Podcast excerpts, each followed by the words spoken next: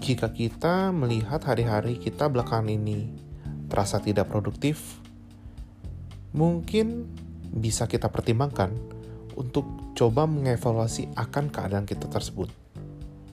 Memang, kita didesain setiap harinya dengan melakukan yang namanya rutinitas. Tapi ada perbedaan rutinitas antara orang yang memiliki target dengan yang tidak apabila orang yang memiliki target melakukan yang namanya rutinitas ini, ada baiknya kita melihat mereka melakukan itu semua untuk mengasah yang namanya kemampuannya, sehingga suatu hari akan mempermudah untuk mencapai tujuannya karena sudah dilatih oleh sang rutinitas itu. Sedangkan kalau kita melakukan rutinitas hanya untuk bertahan hidup, pada satu titik kita akan burn out. Dan ada masanya kita merasa yang namanya kehampaan. Orang yang gak ngerti keadaan kita akan memberikan komentar. Yuk, semangat lagi yuk. Hidup ini tantangan. Pasti bisa deh. Dalam waktu singkat, pada saat kita disemangati sama orang yang tepat, semangat kita akan kembali. Tapi pertanyaannya, seberapa lama semangat itu akan bertahan. Dengan seiringnya waktu, semangat itu akan kembali pudar pada saat kita kembali merasakan yang namanya kehampaan. Lagi-lagi, karena kita melakukan rutinitas itu tanpa tujuan. Apakah pada saat hampa itu datang, kita harus menyerah? Tapi yang harus kita sadari, hampa itu bisa hadir karena kita mengundangnya dengan tidak memaksimalkan hidup kita.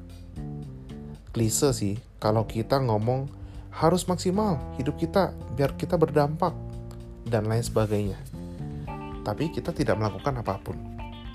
Lakukanlah hal kecil yang bisa kita lakukan untuk saat ini. Sambil memikirkan hal apa ya yang kira-kira bisa kita lakukan agar hidup kita tidak terulang terus untuk masuk dalam kehampaan ini. Kalau tidak diusahakan, kehampaan itu akan datang dan menghampiri mungkin satu bulan, dua bulan, tiga bulan, kita nggak tahu kapan dia akan datang. Tapi kita mengundangnya untuk tetap datang dalam hidup kita. Cari yang bisa kita kerjakan. Nggak harus istimewa kok nggak harus langsung berdampak besar. Setidaknya ketika hal tersebut dilakukan kita, ya kita dengan enjoy melakukannya. Itu sudah memberikan energi positif kok untuk kita.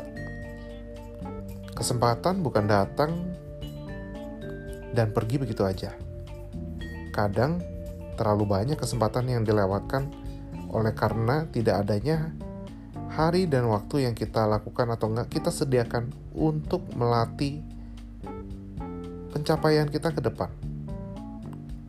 Kita melakukan rutinitas yang tidak ada tujuannya dan lebih memilih untuk mendekatkan diri kita kepada kehampaan itu dibandingkan hal kecil untuk menjadikan kesempatan menjadi satu titik start yang penting untuk sejarah hidup kita. So, semoga nih dari apa yang disiaringkan podcast hari ini, pada saat kita merasakan kehampaan, kita bisa duduk sebentar, mencoba merenung, apa sih yang paling ahli dalam hidup kita hari-hari ini?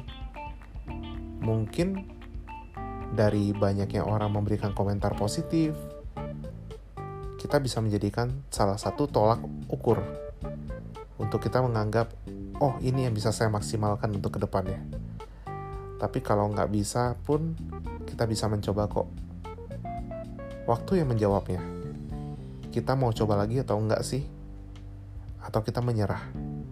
Kalau menyerah, lagi-lagi kita harus siap untuk ke depannya untuk mengundang yang namanya kehampaan itu.